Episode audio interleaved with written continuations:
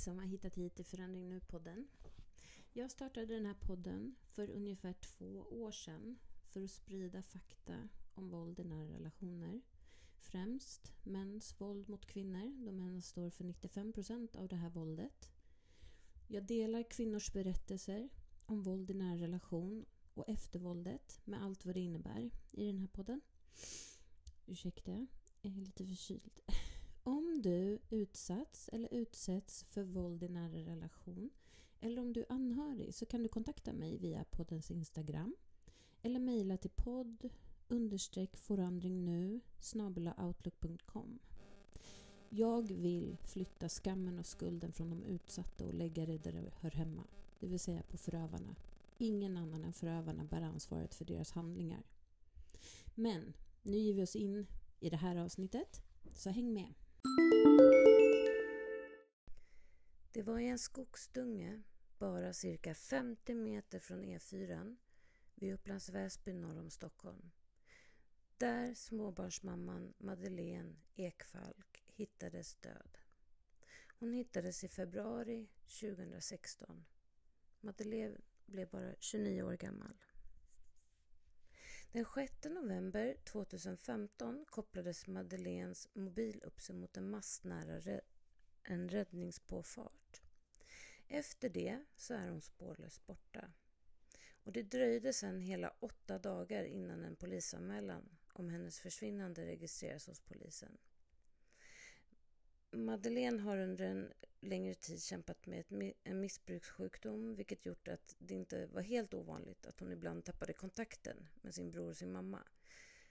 Eh, det förklarar varför det tog lite över en vecka innan Madeleine anmäldes försvunnen. Men Madeleine var en mamma och hennes barn som bodde hos sin pappa fick alltid ett samtal på kvällen så att Madeleine kunde säga godnatt till sina barn. När barnen inte hört något från deras mamma på ett par dagar så reagerar både barnens pappa och hennes bror.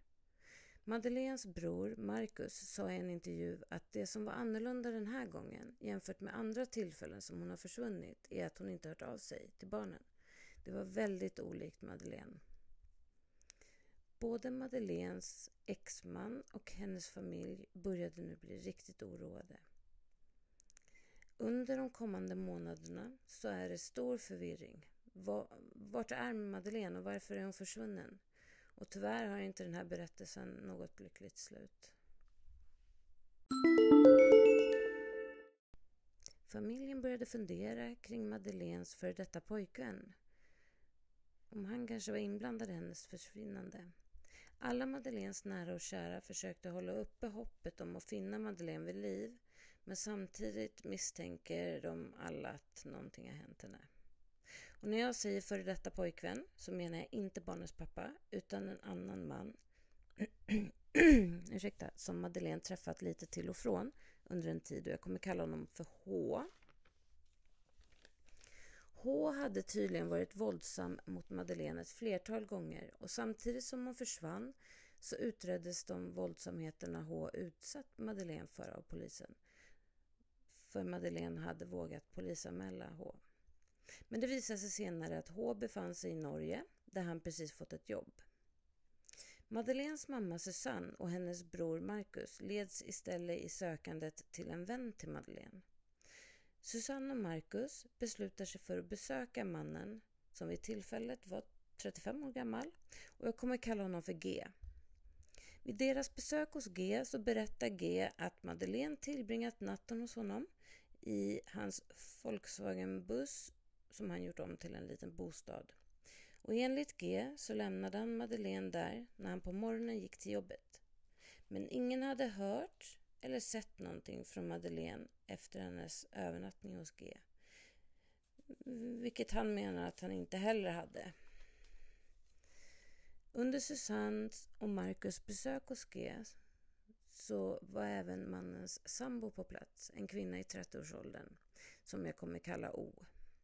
När Marcus och Susanne kom fram till platsen så kom O ut inifrån bussen, ställde sig framför ingången och hennes kroppsspråk tydde på att här ska ingen komma in.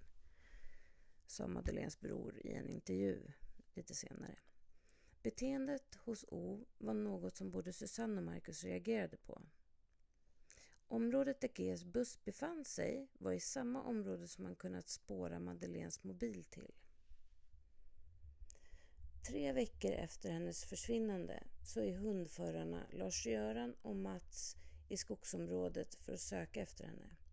Utifrån den lilla information som fanns så började de att söka efter någon som ligger skadad eller död i skogen.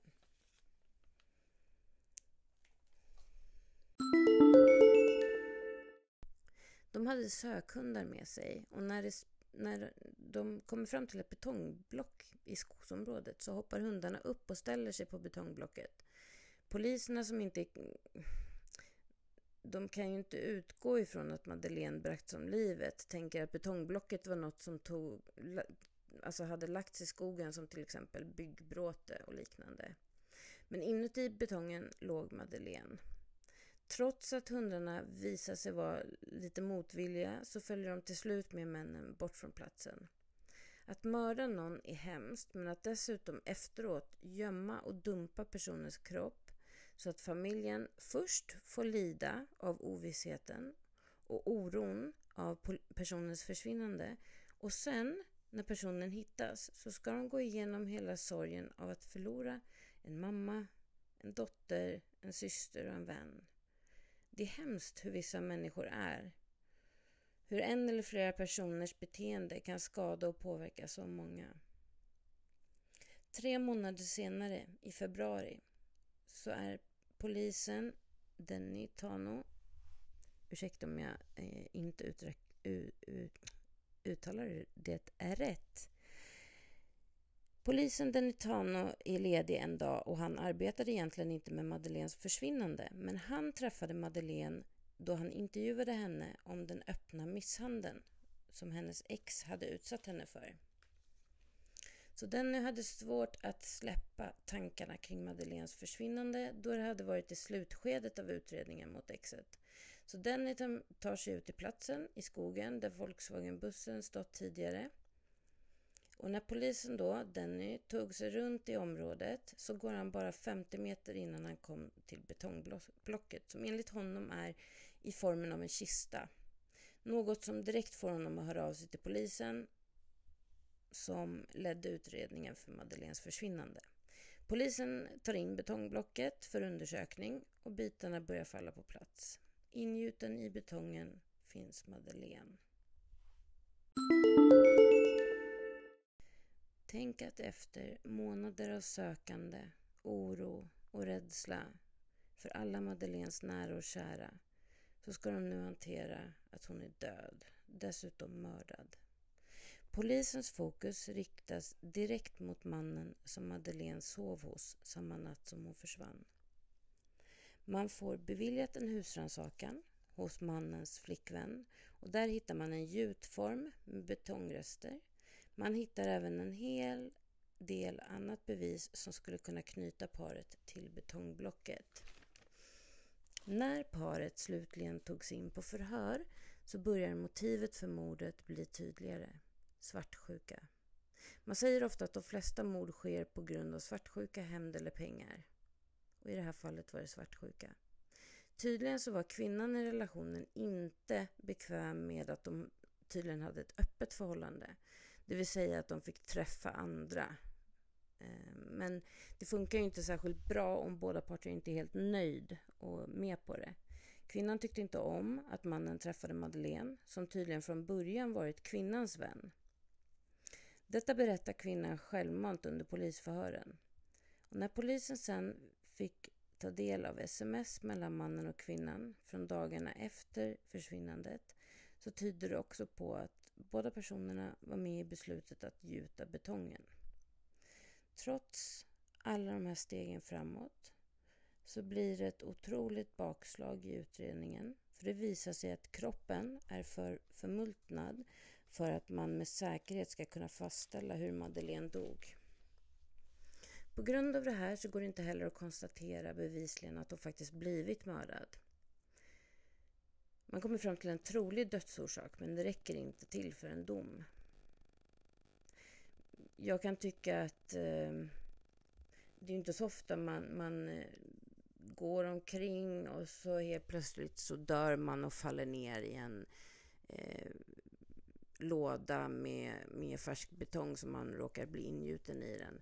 Och det är inte så ofta en, en så pass ung människa heller bara dör av, av sig själv av naturliga orsaker. Um, så att jag, men i svenskt rättssystem det gick inte att bevisa att hon blev mördad. Man kunde se att det var en enormt hög amfetaminhalt i hjärtblodet. Och jag tror att hjärtblodet är att man går in direkt i hjärtat och, och tar proverna där då. Och det med minskad syretillförsel kan ha orsakat Madeleines död. Dock påpekar polisen att det är otroligt svårt att dö av en överdos amfetamin. Men om det så vore att någon kvävdes med en kudde så hade det kunnat vara en trolig dödsorsak till exempel. Den 28 februari 2018 så inleds rättegången mot mannen och kvinnan. De båda nekade fortfarande till mordet men det fanns oavsett starka bevis för att de var inblandade i gjutningen av Madeleine. Och det här ledde då till att de kunde dömas för brott mot griftefriden vilket kunde ge ett straff upp till två års fängelse.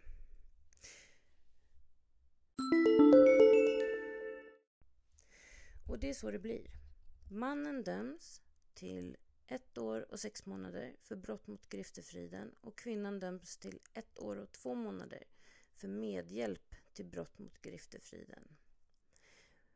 Madeleine hade en hel del kämpande i sitt liv och Madeleine fick aldrig den hjälp av myndigheter och sjukvård som hon behövde för att bekämpa sin missbrukssjukdom. Madeleines nära och kära är ledsna över hur Madeleine hanterades efter sin död av mannen och kvinnan.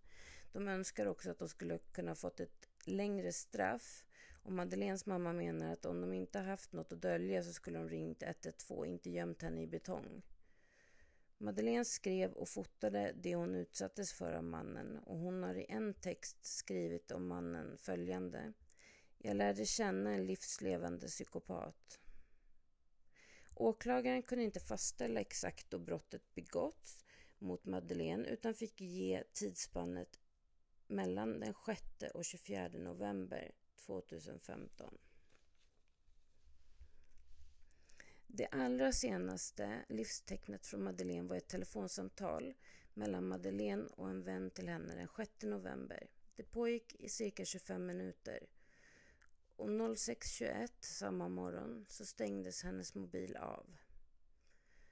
Och då var den i ex-pojkvännens så kallade bostad. Vad man än säger så håller jag fast vid att om någon skadas eller dör genom en olycka så kontaktar man 112. Man man gömmer inte kroppen i en betongklump. Jag förstår om Madeleines nära och kära inte är nöjda med straffen som mannen och kvinnan fick. De förlorade en mamma, en dotter, en syster, en vän. Hon berövades på resten av sitt liv. Hon blev bara 29 år gammal. Mannen vägrade att ta sitt straff utan han smet iväg till Thailand och blev därefter efterlyst av polisen. Kvinnan accepterade inte heller sitt straff. Så de båda var på fri fot efter hovrättens dom. Hovrätten förlängde mannens straff med två månader och minskade kvinnans med två månader.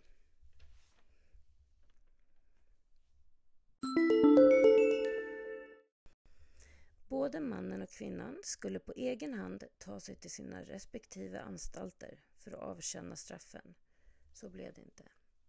Det här är helt galet hur rättssystemet är här i Sverige man visste att de här två hade med största sannolikhet mördat en kvinna och de skulle avtjäna straff för brott mot griftefriden.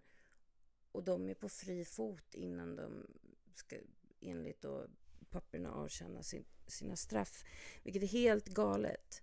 Den 25 mars så skulle kvinnan ha varit vid anstalten Färingsö utanför Stockholm, men hon kom inte. Kvinnan efterlystes inte förrän under maj månad. Hon greps dock senare och avtjänade straffet. I juni skulle mannen infunnit sig vid anstalten i Västervik, men han dök aldrig upp. Jag har inte funnit någon information om mannen har tagits och suttit av sitt straff ännu. Och jag har inte heller läst något mer om de fick ytterligare tid för att de smet eh, från tiden de skulle dykt upp. Men troligtvis så har ingen av dem fått en konsekvens av det. För här i Sverige får ju förövare göra lite som de vill.